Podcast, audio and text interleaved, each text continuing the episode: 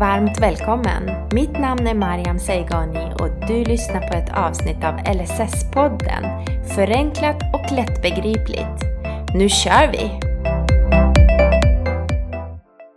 Hallå, hallå och varmt välkommen till ett nytt avsnitt av LSS-podden. Eh, och idag har jag två gäster med mig. Eh, Katrina och hunden Clifford. Varmt välkomna! Tack, tack. Clifford, välkommen! Ja, han, han, han tittade på oss så. Katarina, jättekul att ha dig här. Vi har ju försökt få till det här mötet ett par gånger. Ja. Men eh, det har inte gått av olika anledningar. Nej. Vi lovade ju lyssnarna redan förra terminen, eh, eller säsongen, att vi skulle ha det här avsnittet. Men väntar man på något gott så? Ska vi börja med att du får presentera dig själv lite grann? Ja. Ehm, jag heter Katrina och jag är 29 år. Ehm, jag arbetstränar här ehm, på 25% just nu. Och jag har en assistanshund då som heter Clifford. Jag är född med en CP-skada som medför att jag sitter i rullstol. Eh, och jag har epilepsi. Ehm, mina intressen är bland annat eh, träning och eh, mat. Ehm, ja, det är väl lite grann om mig sådär. Ja, det, var, det var väldigt, väldigt bra beskrivet. Ehm, berätta lite grann, när du säger att du har en CP-skada, om vi har en lyssnare som inte riktigt vet vad det innebär. Berätta vad det innebär för dig att ha det. Ja, det kan ju vara väldigt olika beroende på var skadan sitter. Men det är en hjärnskada eh, som egentligen medför att signalerna från hjärnan inte riktigt eh, kopplar och når ut till olika kroppsdelar man har då. Och det gör att man eh, ja, men har olika eh, svårigheter. Jag har bland annat att mina muskler och eh, nerver inte fungerar som de ska. Och det gör att jag inte kan gå. Mm. Eh, Så det är väl lite så. Men man kan ju även ha problem med, eh, med tal och, och eh, armar och så vidare. Och då kan ju man behöva mer assistans. Så jag har en väldigt lindrig eh, version av det. Yes. Eh, och du glömde ju berätta, du berättade ju om dina fritidsintressen. Du glömde berätta om en liten, liten sak du har där hemma som tar mycket av din tid. ja, min, min tvååriga son eh, Otto. Eh, som jag har då. Ja. Mm. Så du har en familj, du har en assistenthund, du har ett jobb. Eh, trots dina funktionsvariationer så har du gjort allt det här i ditt liv. Ja, en del av det i alla fall. Ja, det, det är stort. Det ska du prata om. Bra, sen berättade du lite grann om att du har haft assistans. Ja, Eh, berätta lite. Du har, du har inte personlig assistans längre. nej. Um, det började väl eh, när jag blev äldre och flyttade hemifrån att ja, men jag märkte att jag kanske behövde hjälp med vissa saker och det var bland annat kopplat till, eh, till min epilepsi eh, som jag har som är, är svårbehandlad. Eh, som då går ihop med att min CP-skada blir sämre. Ehm, så då sökte jag först via kommunen och fick ett solbeslut. Um, och sen så visade det sig att det kanske var lite för lite och det var det beslutet som man kunde få från kommunen var inte tillräckligt då. Så då sökte vi eh, ja, men assistans istället och jag fick igenom, eh, jag tror det var runt 80 timmar eller något sånt där. Um, men det blev ju lite speciellt för att det blev från att inte ha någonting till att ha väldigt mycket och jag kände att det blev nästan för mycket. Eh, och jag blev nästan mindre självständig än vad jag, vad jag var innan för att jag fick för mycket hjälp. Eh, och jag fick nästan inget liksom privat, en privat tid. Eh, och sen träffade jag ju min sambo och då, då ändras ju hela, hela en situation.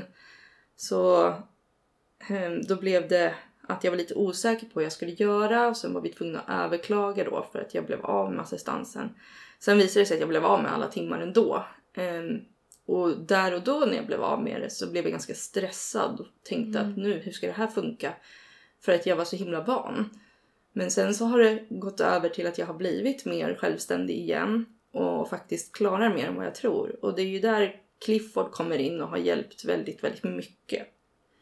Eh, så det, ja, han, Mm. han hjälper mig jättemycket. Så spännande. Vi, vi ska ju prata väldigt mycket om Clifford idag. men, men, men då var det ju så att du, du nämnde ju för att det ska vara väldigt tydligt, LSS-podden ska ju vara tydlig och enkel. Så Ja. pratade du om solbeslut och då pratade du om socialtjänstlagen och då Ja. pratade du om hemtjänst antar jag då. Eh, jag kommer inte riktigt ihåg vad det var, om det var hemtjänst eller inte. Det kommer jag faktiskt inte ihåg. Men det var att jag inte kom upp i tillräckligt mycket timmar. Alltså om man ska se till assistans så är ju det liksom grädde på moset så att Mm. säga. Eh, och och där, där och då behövde jag det. Ja. Yes. Och så gick det ett par år, du hade assistans, du var inte... Det, det var ju, du tyckte att det var bra men kanske inte helt nöjd med Nej. tanke på privatlivet.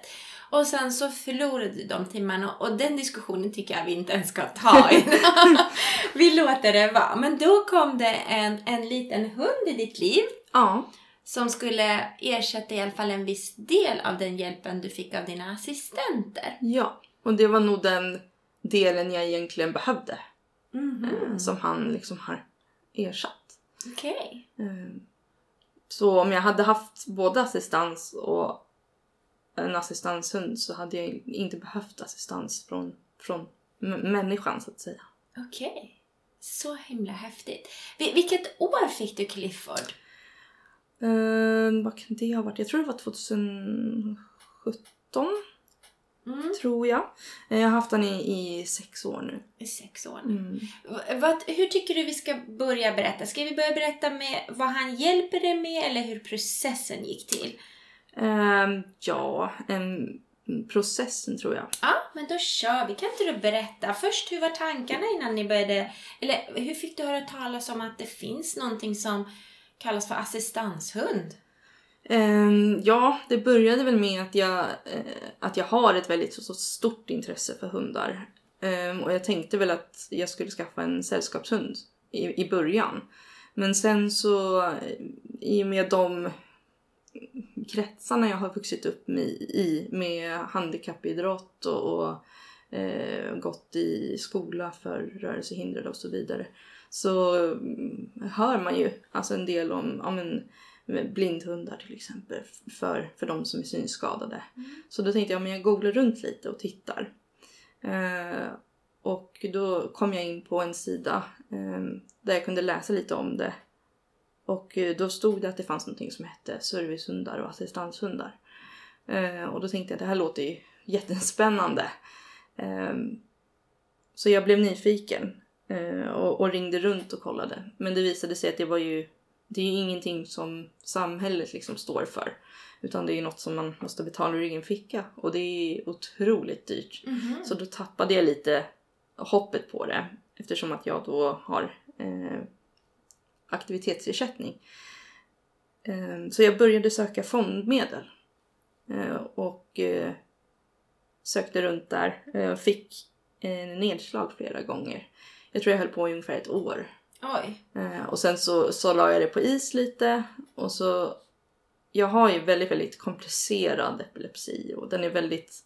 I perioder så är den väldigt liksom hård. Ehm, så när jag kom in i en dålig period igen så tänkte jag så här, nej men jag ska inte ge upp på det här utan jag vill, jag vill försöka. Ehm, så jag fortsatte. ehm, och när jag liksom trodde att så här, nej men det här kommer inte gå. Så hörde en av sig och sa att hon var intresserad av mitt eh, case eh, och ville, ville hjälpa mig. Men att de egentligen eh, hjälper föreningar, så de hjälper inte privatpersoner. Eh, men hon skulle försöka övertala styrelsen då för att hon tyckte att, eh, att det lät spännande. Eh, sen visade det sig att jag kunde få hjälp med en viss del av summan. Ehm, och att vi också kunde gå ihop med ett annat med en annan fond som kunde hjälpa till med en liten del. Så det de hjälpte till med var kostnaden för Clifford. Sen har jag stått för själva utbildningen. Okej. Eh, och när du säger kostnaden för Clifford, för, för mig som inte kan det här, du menar att köpa en hund av en speciell ras som skulle kunna tränas till att bli assistansen, så han var inte färdig när du köpte honom? Nej, man kan gå olika vägar när man ska skaffa en, en, eh, en brukshund som det heter då. Ehm, antingen så köper man en, en färdigutbildad från det företaget man väljer. Det är också det dyraste alternativet. Mm. Sen kan man köpa en grundutbildad assistanshund och det är den vägen jag tog. Ehm, och då tränar man också ihop. Beroende på hur mycket man behöver och hur kunnig man är med hundar så får man även vägledning av en instruktör då när man tränar. Ehm, och sen finns det att man köper en valp och man tränar upp den själv. Men, men hunden måste genomgå olika tester och man måste också ha ehm, rätt, alltså till exempel man måste ha en A, en A, ett A-knä. Och man måste ha, man kan inte ha något som är liksom halvbra. Även om en hund är frisk så måste alla armbågar vara friska. Till exempel. Ah, knä, då förstår jag vad du menar. Så knät måste vara toppform. Ja, eller höfter Eller eller, höfter, okej. ögon och Mm. allt sånt. Så all, alla de sakerna går man igenom hos en veterinär. Och sen gör de eh, lämplighetstester för att se om de klarar miljöer, om de har rätt, eh, eh, att de inte är för nojiga till exempel, att de, eller att de är för busiga. Mm. Eh, Så det kan ju vara lite riskabelt om man köper en egen hund när den är valp. För då vet man ju inte hur den, hur den är som vuxen. Eh, och det vill man ju inte riskera eftersom att det handlar om så mycket pengar. Eh, så jag valde då en grundutbildad eh, där jag sen kunde träna på egen hand och ta så mycket hjälp som jag behövde. Eh, och sen beroende på då vad man behöver hjälp med så, så väljer man då ja, men de sakerna. Jag tror att det är minst tre punkter man måste ha som hunden hjälper med. Så det var väl där det började egentligen. Och, och i mitt fall så hjälper ju Clifford mig med framförallt min epilepsi och att signalera innan jag får epileptiska anfall. Eh, men det var inte hans uppdrag från början. Utan hans uppdrag var att hjälpa mig ta upp saker från golvet, hjälpa mig att öppna lådor, trycka på knappar.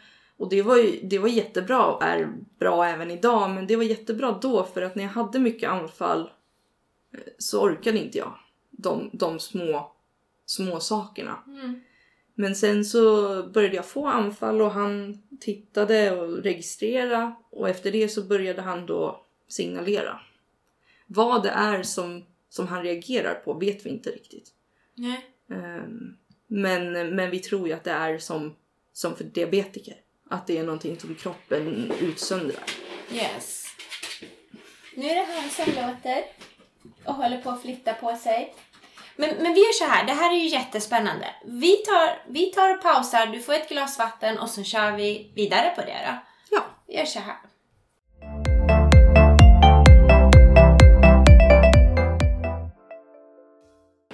Så för att summera lite grann så, så köptes eh, Clifford med hjälp av fondmedel, En viss del. en viss del. Mm.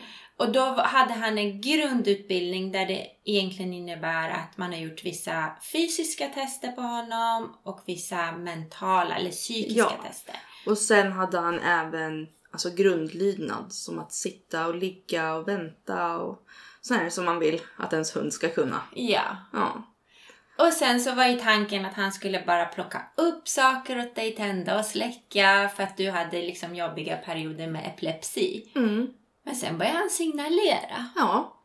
Och hur gör han det exakt? Ehm, han signalerar ungefär en kvart innan jag får ett anfall. Ehm, och då kommer han till mig eh, och trycker sin nos på min hand eller på mitt lår och han gör det upprepade gånger eh, bestämt. Eh, och sen ju längre man har sin assistanshund ju bättre band får man ju med sin hund. Så ibland kan ju jag bara se hur, han, hur hans kroppsspråk är. Ehm, hur, han, hur han liksom berättar. Ehm, Så där har vi kommit en, en lång väg. Men anledningen till att han trycker tror jag är för att vi övade på att tända och släcka lampknappar. Och där har han lärt sig kommandot tryck då. Ehm, Så jag tror att det, han tar hjälp av, av eh, sin träning där. Mm. Så det är häftigt. Har han någon gång missat då och eh, varna? Eh, I början var det ju lite till och från för att han lärde sig uppenbarligen. Ja. Liksom. Ja. Men jag tror att han, det blir ju en form av att han vaktar mig. Ehm, så nu efter några år så han gör ju det varje gång. Och det är ju jätteviktigt nu när jag har barn också. Så han gör verkligen ett, ett jätteviktigt jobb. Så himla, verkligen så häftigt. Mm. Väldigt häftigt. Och, och hur, eh, hur är fortsättningen nu då? Eller känner du dig bekväm att vi pratar om lite grann kostnader som va? Ja, absolut. Eh, För nu var det ju ett par år sedan så, så du kan inte med 100% säkerhet säga att det är fortfarande samma priser Nej, som det gäller. har förmodligen ökat med tanke på hur Ja. det ser ut. Ja, men, Mm. men vad gick det på? Hur mycket kostade det dig olika delarna i, i köpet och träningen? Totalt så har jag för mig att det var runt 200 000. Eh, ungefär. Ehm, sen är det beroende på vilken form av brukshund man har. Det finns ju allt ifrån eh, ledarhund till eh, diabeteshund till eh, psykologhund. Alltså det finns hur mycket som helst. Ehm, men i mitt fall så var det runt 200 000 och där fick jag hjälp av olika fonder då för ungefär 60. Okej. Så själva kostnaden för Clifford som hund var 60 och det beror ju på att man att han har behövt göra tester och att han ska vara frisk och hela den biten. Sen har jag gjort det resterande på avbetalning Okej. och det tog ungefär tre år för mig. Då. Men det kan ju vara olika beroende på ens ekonomiska situation. Men Ja. för mig tog det ungefär tre år. Okej. Så, så resten var ju egen ficka som du Ja. valde att göra? Okej. Och, och hur ser det ut nu då? Förutom det vanliga kostnader som en vanlig hund har, finns det några utöverkostnader för, för Ehm, dels har jag ju en dyrare försäkring än vad man kanske har på en sällskapshund eftersom att han har han arbetar och då är det viktigt att, att man kan få så mycket hjälp som möjligt eftersom att det är så dyrt. Så jag har en väldigt bra eh, försäkring så. Eh, Men sen är det ju varje år när man har en brukshund så måste man göra ett årsprov eh, för att se att de håller en viss standard. Och inför det årsprovet så ska man ha en eh, besiktning varje år hos veterinären som är kostnader. Och sen ska man ju ha alltså de här vanliga, ge, mm, ge spruta varje år för Mm. olika sjukdomar och så vidare. Så det är ju en kostnad eh, en gång per år för att, för att göra det här årsprovet. Då. Mm. Och, och vad går det här årsprovet ut på? Ehm, ja men det är för att se att de håller sin standard. Där man bland annat kollar att de kan gå fint i koppel i olika miljöer. Ehm, provet brukar ofta vara i köpcentrum. Ehm, så det är att han ska kunna gå i koppel och ha koll på mig hela tiden. Han ska kunna lägga sig ner och vila när man står still. Han ska komma på kommando. Han ska kunna sitta och vänta och jag åker iväg. Han ska kunna gå iväg med andra människor förutom mig. Eh, lite sådana saker. Och när man gör de här årsproverna så går man ju runt i centrumet och de vill ju se hur det fungerar i ens vardag. Så det är inte så mycket att man gör här är en punkt och så gör vi den och så går vi till nästa. Utan de vill se under en, ja, men under en timme eller en och en halv hur det faktiskt funkar i vardagen. Ja. Och sen beroende på hur det, mm, beroende på hur det går så bedömer de eh, att man kan, man kan till exempel få ha en störning. Alltså om man går ute på en gräsmatta och han kommer men att han kanske väljer att nosa lite innan han kommer. Det, det kan fortfarande bli godkänt på provet men det kan vara att de säger att det här måste ni träna på till nästa år då. Okej. Mm. Okej. Och klarar inte hunden det här årsprovet som man gör eh, då kan det vara att man får göra antingen ett omprov och klarar man inte omprovet då då, får man, då blir man av med tjänstetäcket som hunden har. Eh, och så får man träna om under ett år. Sen kan man göra provet igen. Okej. Men då får han inte ha samma regler som en, en brukshund om man inte har västen.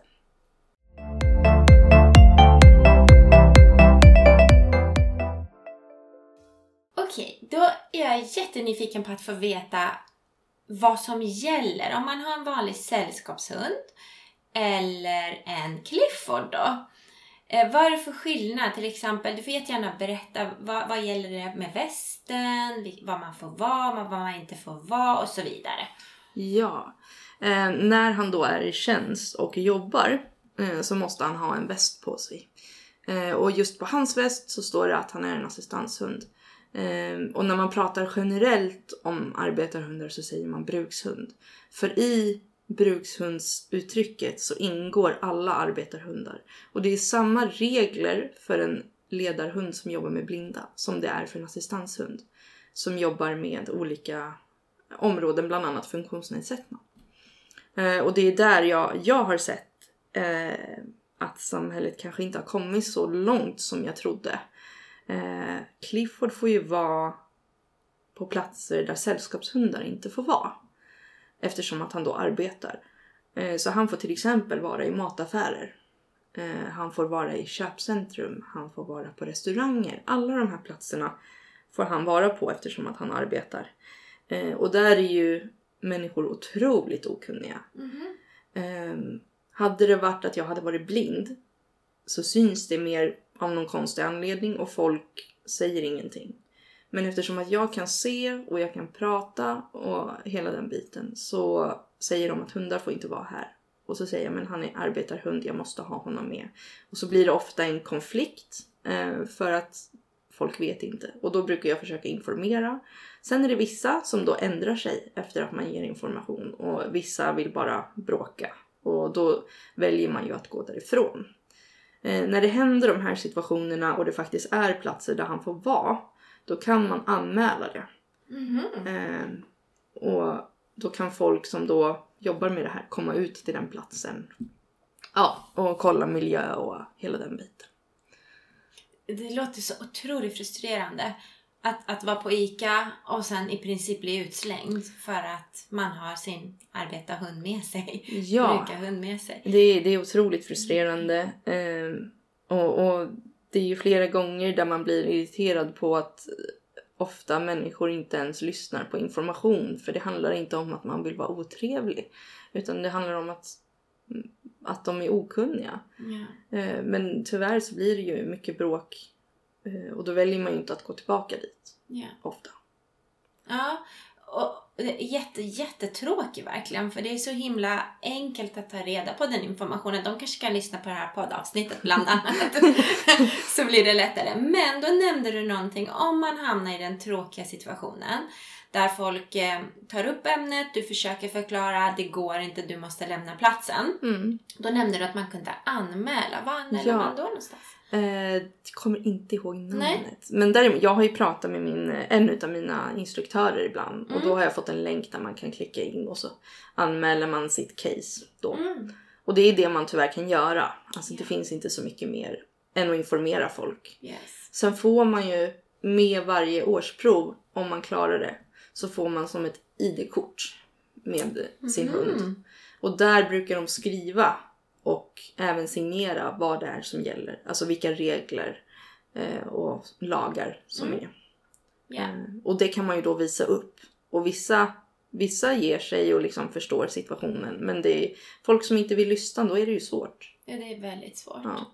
Men vi kan göra så här. Om du kommer på vad det var och om du har kvar länken som du har fått av instruktören så kan vi lägga i beskrivningen till det här poddavsnittet. ja, absolut. Så kan man eh, få tag på det då. Men vi kan inte lova, men vi, vi letar efter den Ja. och, och sätter fast den Absolut.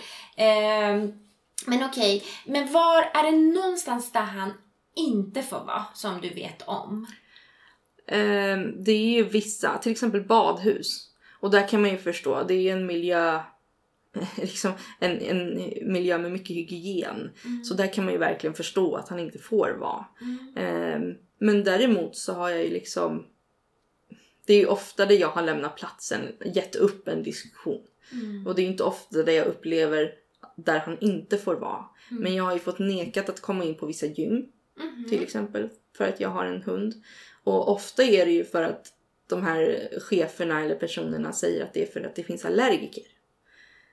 Och det kan jag förstå. Men vad är det som gör att allergiker går före en person som har behov av en arbetarhund? Ehm, och oftast så är det inte något problem om man möter någon som är allergisk. Eh, för man kan vara på olika delar av lokalen till exempel. Mm. Eller att man kommer överens om att man är där olika tider. Eh, för det är det som, som lagen säger. Att cheferna har inte rätt att diskriminera någon utav parterna utan det ska lösas av de som blir drabbade. Ja. Och oftast är inte det något problem om man får den chansen. Man kan kommunicera Mm. fram en lösning. Mm. Så egentligen så är det ju så att du, Clifford har ju ersatt den hjälpen du behöver. Så han, han hjälper i din vardag. Ja. Men du får inte ha med honom överallt där du behöver vara. Nej. Det är ju väldigt, väldigt, väldigt märkligt. Ja, och det är ju där jag blir bromsad i, i vad jag kan göra och inte. Mm. Innan jag hade Clifford så var jag, jag var väldigt instängd. Mm. Eh, jag hade så pass mycket anfall att jag knappt vågade gå ut själv. Och då blev jag ju väldigt isolerad och jag tyckte att det var obehagligt att hålla på i köket och hela alla olyckor som liksom kan hända i, i den situationen. Och sen när jag fick Clifford och jag märkte att säga, ja men nu får vi ett band och han lär sig att signalera och hela den biten. Det gör ju att jag har fått ett annat självförtroende och idag så kan jag till och med åka kommunalt en viss del för att jag har bättre självförtroende. Eh, Men det gör ju också att de gånger jag inte får ha med så blir jag ju väldigt... Då känner jag att då måste jag ha med min, min partner. För att han har varit med när jag har fått anfall. Han är lugn i sådana situationer och han vet vad som gäller. Så, så ah, Clifford är ju otroligt viktig för att jag ska komma ut. Ja, för att inte isoleras. Ja. Mm. Är han eh, också lite grann delaktig i ett beslut att skaffa barn? Eh, det hade vi nog gjort ändå tror jag. Ja. Men det, det har ju verkligen märkts att han, han hjälper till i en trygghet. Mm. För att jag kan, jag kan sätta min son på en trygg plats de gångerna jag får anfall. Eh, då när han signalerar så har jag ungefär en kvart, 20 minuter. Och då lyfter jag även min son som då är två år nu i hans säng. Eh, och sätter på något barnprogram eller liknande. Och då är han trygg där. Ingenting kan hända honom då. Eh, och anfallen är ju inte jättelånga så att det går ganska fort. Mm. Jätte, jättehäftigt. Verkligen.